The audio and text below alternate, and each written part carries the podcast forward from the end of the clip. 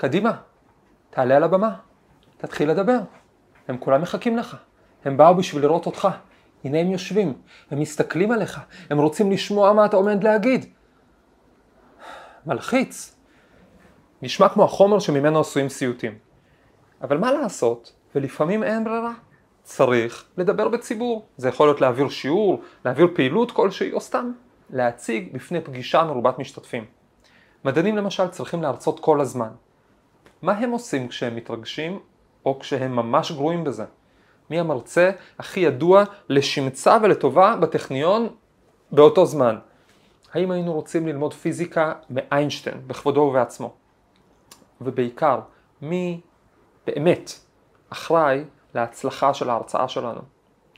שלום לכם, ברוכים הבאים, תודה שהצטרפתם אליי לפודקאסט המדע מחפש משמעות, אני דוד אייזנברג, אני פרופסור לכימיה בטכניון, בפודקאסט הזה אני מדבר על עולם המדע, עולמם של המדענים, יצירתיות, דילמות אתיות, פיתוח פוטנציאל אישי ובעיקר מנסה להבין איך המדע רלוונטי לחיים של כולנו. היום נדבר על איך לדבר בביטחון מול קהל. למה אני מדבר על זה? אני מדבר על זה מניסיון אישי מאוד. אני אפתח בווידוי. בכלל, הרבה מדע, מדענים כל הזמן מרצים. מדענים חייבים להרצות בכנסים, מדענים חייבות, חייבים להרצות מול סטודנטים, מול ועדות. והווידוי הוא שאני אישית מתרגש לפני כל פעם שאני מרצה. מול סטודנטים בטכניון, בכנסים בארץ, כנסים בחו"ל, גם מול תלמידים של חטיבת ביניים. אבל בכל זאת, אני לא זוכר יום שבו התרגשתי כל כך כמו ביום הראשון שהלכתי ללמד בטכניון. זה לא שרעדו לי הברכיים, זה שלא יכולתי לנשום. אני זוכר שעמדתי בבוקר בתחנת האוטובוס כמו עולה לגרדום. שיודע שהדקות שלו מטפטפות והן קצובות. התפללתי לשביתת אוטובוסים, לשביתת מרצים, לגשם מטאוריטים, כל דבר רק שאני לא אצטרך לעמוד מול הכיתה וללמד אותם כימיה אי אורגנית. הרגשתי בכל נימי נפשי שבשנייה שאני מתייצב מול הסטודנטים הם ידעו עליי הכל. הם ידעו שאני לא יודע כלום, שמה שאני יודע אני לא באמת מבין, שמה שאני מבין אני לא יודע להציג. זה לא שלא התכוננתי, היה לי מערך שיעור מוכן, זה לא שלא היה לי, ניס... לא היה לי ניסיון בללמד, אני הייתי מתרגל לפני זה באוניברסיטה העברית ואפילו הייתי מורה בתיכון, שנתיים. עמדתי מול כיתות, עמדתי על במות ובכל זאת באותו בוקר הכל התנדף. ידעתי שאני הולך ללמד את הסטודנטים החכמים של הטכניון ואיכשהו זה גמר אותי. אני ממש אומר, פשוט היה לי קשה לנשום מהבוקר. כל זה היה לפני שש שנים. מאז אני לימדתי את הכיתה, את השיעור הזה, כל סמסטר חורף, כל שנה, שש שנים, חוץ משנה אחת, ואני מאושר ושמח לשתף שהסטודנטים בחרו בי למרצה מצטיין כמעט כל שנה שלימדתי, חוץ מאותה שנה ראשונה. ברוך השם ותודה לסטודנטים. מה קרה בין לבין? מה התרחש לאורך המסע הזה? אני רוצה להסתכל על תובנות, על החוויות ועל התובנות שלי, של מרצים מדענים אחרים, ולהפיק של, שלוש נקודות על מאיפה לשאוב ביטחון כשעומדים מול קהל. נקודה ראשונה, תציב רף נמוך, תהיה יותר טוב מאיינשטיין.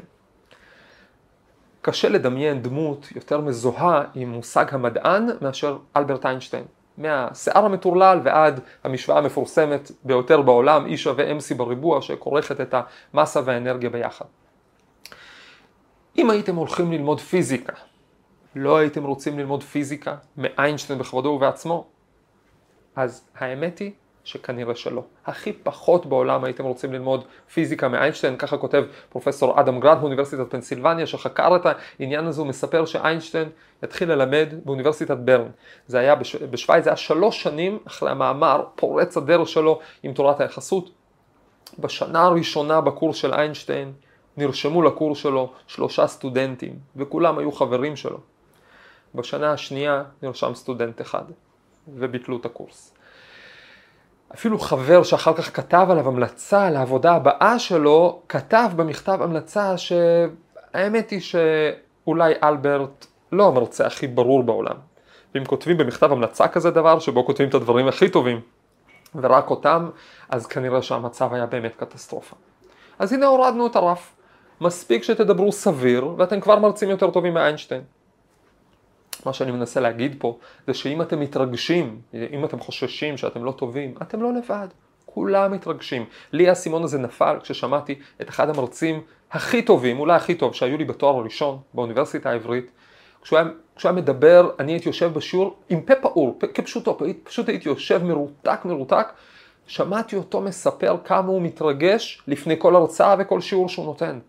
נפל לי האסימון. אם הוא מתרגש, אז כנראה שכולם מתרגשים, כנראה שזה לא נורא, זו הנקודה העקרונית. הרוב המוחלט של האנשים, במידה כזו או אחרת, מתרגש לפני שהוא מדבר לפני קהל. זה חושף אותנו, זה, זה אה, מראה אותנו בנקודה של חולשה אולי. ואם כולם מתרגשים ובכל זאת מרצים, אז לא נורא. חשוב להבין, עצם ההתרגשות, עצם הלחץ, הוא לא סימפטום שאנחנו גרועים, הוא לא בעצמו איזשהו כישלון, הוא רק רגש. רגש שצריך ללמוד לפסוח עליו ולהתקדם.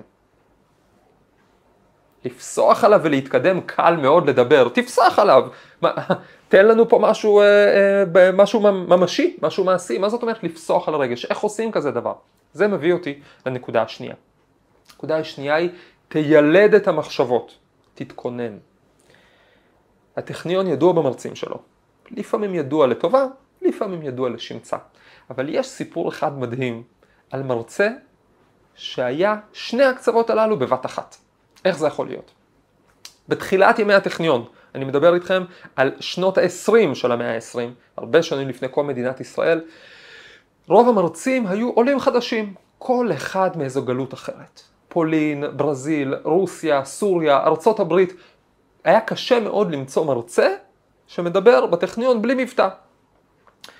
הכימאי הראשון שהגיע לטכניון, הפרופסור הראשון לכימיה בטכניון, קראו לו פרופסור איליוף. הוא הגיע מאוקראינה, מברית המועצות דאז, מהאוניברסיטה הפוליטכנית של חרקוב. היה כימאי חשוב, גיאולוג חשוב, הוא כבר היה בשנות ה-60 לחייו. מצד אחד, הטכניון ובכלל הקהילה היהודית בארץ ישראל מאוד שמחו לקבל אותו כמרצה, אה, כמדען, סליחה, לקבל אותו כמדען, כחוקר. אה, הוא היה אה, גם חוקר מוצלח, ואחד הדברים שהוא נודע בהם פה בארץ ישראל זה שהוא המציא תערובת נפץ, שכנראה שזו הייתה תערובת הנפץ, כמו בבקבוקי מולוטוב, רק כנראה שזו הייתה התערובת שאיתה ובעזרתה עצרו את הטנק המפורסם בדגניה. אבל חוץ מלהיות מר... חוקר, חוץ מלהיות מדען, בטכניון צריך להרצות. טכניון מכשיר את הדור הבא, הדור הראשון בעצם, של uh, מהנדסים בארץ ישראל. פרופסור איליוף מאוד רוצה להרצות, הוא רואה בהוראה חוב קדוש, אבל מה לעשות שהוא לא מדבר מילה אחת בעברית. הוא הרגע הגיע מאוקראינה. מה שהוא עושה זה דבר מדהים. פרופסור איליוף יושב ומחבר מערכי שיעור. לכל הקורס שלו שנה קדימה. פרופסור איליוף לוקח את מערכי השיעור האלה שהוא כותב כמובן ברוסית למתורגמן, למתרגם, שמתרגם לו הכל לעברית ולא רק שהוא מתרגם לו לעברית, אלא כותב לו את כל העברית הזאת באותיות קיריליות, באותיות רוסיות. ואז פרופסור איליוף עם הדפים האלה הולך לכיתה כל שבוע ומקריא דף אחרי דף של טקסט בעברית שהוא לא מבין, שכתוב לו באותיות רוסיות. תחשבו על מסירות הנפש של הסטודנטים. מי שלא היה שם לא יכול לדמיין איך זה נשמע, בן אדם שמנסה ללמד כימיה בשפה שהוא בעצמו לא מבין. אבל אני בטוח שהסטודנטים גם ידעו להעריך את מסירות הנפש של המרצה. שטרח והכין את כל החומר הזה, ששובר עליו את השיניים כל שבוע. הנה לכם מרצה שידוע גם לשמצה וגם לטובה באותו זמן. אבל מה הנקודה האמיתית בסיפור הזה, לדעתי? הנקודה האמיתית בסיפור הזה זו ההשקעה של איליוף, ההשקעה של פרופסור איליוף, ההשקעה שלו ב- בלהכין את המערכים, בכל התרגום הזה, ההשקעה שלו בהגשה שלהם כל שבוע. אז אם אתם חושבים שאתם גרועים בללמד, אם אתם חושבים שאתם גרועים בלהציג מול קהל, האמת היא שיכול להיות שזה נכון. יכול להיות שזה נכון אובייקטיבית. כרגע. אז מה? מי יודע לאן אתם תגיעו אם אתם תשקיעו כמו שאיליוף השקיע, אם אתם תשקיעו תתכוננו להרצאות שלכם. ומהי ההכנה הנכונה?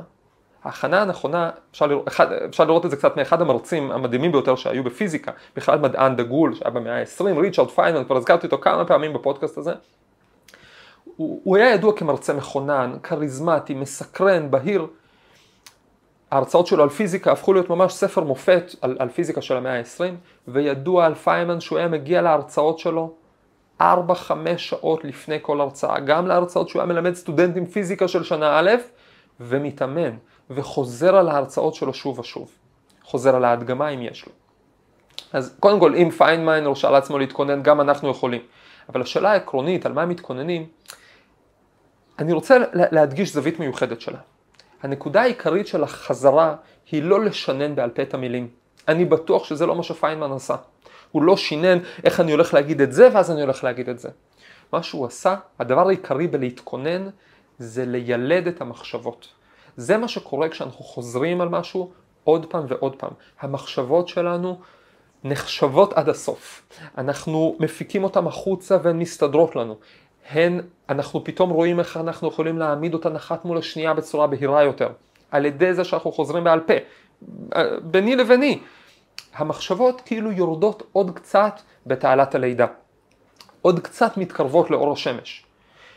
ואם אנחנו משמיעים אותם לא רק בינינו לבינינו, אלא גם למישהו אחר, שזה חלק חשוב, אה, אה, אבל לא בלעדי, חלק חשוב, מה, מההכנה, אז אותו מישהו אחר יכול לעזור לנו לראות האם יש איזה חלק עיקרי של המחשבה שהוא כל כך מובן מאליו בעינינו, שפשוט לא אמרנו אותו, ואולי צריך להגיד אותו ראשון. זה מה שקורה כש, כשמישהו אחר ש, אה, מקשיב לנו. אגב, איפה רואים את העניין הזה של חזרה ביהדות ממש יפה? הרי אחרי שהזכרנו את איינשטיין ופיינמן, אנחנו צריכים לעלות רמה כביכול מבחינת הדמויות לחיקוי שלנו. רואים את זה אצל הקדוש ברוך הוא. ככה כתוב במדרש, שלפני שהוא נתן את התורה, הוא חזר עליה במחשבתו ארבע פעמים. ככה כתוב, ו- ומזה אנחנו צריכים ללמוד, ככה כתוב, ככה כותבים חכמינו, זיכרונם לברכה במדרש שמות רבה, על בן אדם שצריך, מבקש ללמד בציבור. בשעה שהוא מבקש לאומרם בציבור, ככה כתוב, לא יאמר, הואיל שאני יודע ביפה, זאת אומרת אם אני יודע כבר, אני מכיר את החומר, אני יודע את החומר, אני איינשטיין של התחום, אני פיימן של התחום, מה יש לי להתכונן? לא, לא, ככה אומרים החכמים, אמר רב אחא, מן האלוקים אתה למד. כשביקש לומר תורה לישראל, אמרה ארבע פעמים בינו לבין עצמו, עד שלא אמרה לישראל. ואחר כך אמר אותו לישראל, ומאיפה מוכיחים את זה? מפסוק בספר איוב. כתוב, אז ראה, אחת, ויספרה, שתיים, הכינה, שלוש, וגם חקרה, ארבע, ורק אחר כך כתוב, ויאמר לאדם. אז אם הקדוש ברוך הוא כביכול מסדר את הדברים בראש, ברור שאנחנו חייבים, מה הנקודה של אה, בורא העולם שמסדר את הדברים בראש? בחסידות מוסבר, הכוונה היא שהוא כביכול מסיים לילד את המחשבה.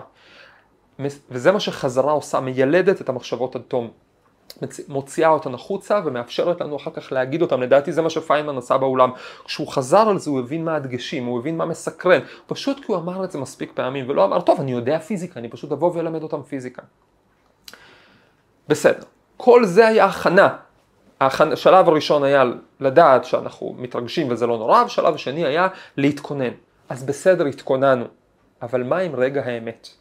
נניח שעשינו הכל. התאמנו על עצמנו, על חברים, על משפחה, כל המחשבות נולדו. רגע האמת, אנחנו עומדים מול הקהל, או מול המצלמה, מול האספה, או מול הישיבה, ו... מה עכשיו? זה מביא אותי לטיפ הכי חזק שלי, הכי מהלב, משהו שאני מאמין בו בכל כוחי, והוא עובד פשוט כי הוא אמיתי. זה משהו שגיליתי באותו יום, בפעם הראשונה שהלכתי ללמד בטכניון, כמעט במקרה גיליתי אותו. עמדתי מול הכיתה, בקושי נושם, בקושי זוכר מי אני. זו הנקודה השלישית. הנקודה השלישית היא להיות צינור. ואני רואה את הסטודנטים זורמים פנימה, מתיישבים, פותחים מחברות, פותחים לפטופים, מסתכלים עליי. אני לופת ביד חזק את המערך שיעור שהכנתי, אני רואה שמרוב זיעה הוא כבר לח ומקומט. באותו רגע הסתובבתי לסטודנטים עם הגב, עם הפנים ללוח, ופשוט התפללתי תפילה ספונטנית. אמרתי, השם, עד עכשיו עשיתי מה שיכולתי. התכוננתי, הכנתי, תכננתי, הגעתי לכיתה, לא ברחתי. מעכשיו זה לא תלוי בי, אם אתה רוצה שזה יצליח, תעשה אותי צינור לידע המדעי, תן לי את המילים הנכונות, תעשה אותי צינור להתלהבות מהמדע. אם אתה רוצה שזה יצליח, אז מעכשיו זה באחריות שלך. הסתובבתי, צהריים טובים, ברוכים הבאים לקורס כימיה אי-אורגנית. באמת שהטריק הזה, אם אפשר לקרוא לתפילה טריק, עובד מאז. עד לפני ההרצאה אני מתכונן, אני מכין, אני מלטש. אבל ברגע האחרון, כשאני כבר על הבמה, אני משחרר מעצמי את האחריות, אני מעביר אותה למעלה. אם אתה רוצה שזה יצליח, אז הבמה הזאת שלך. בהצלחה.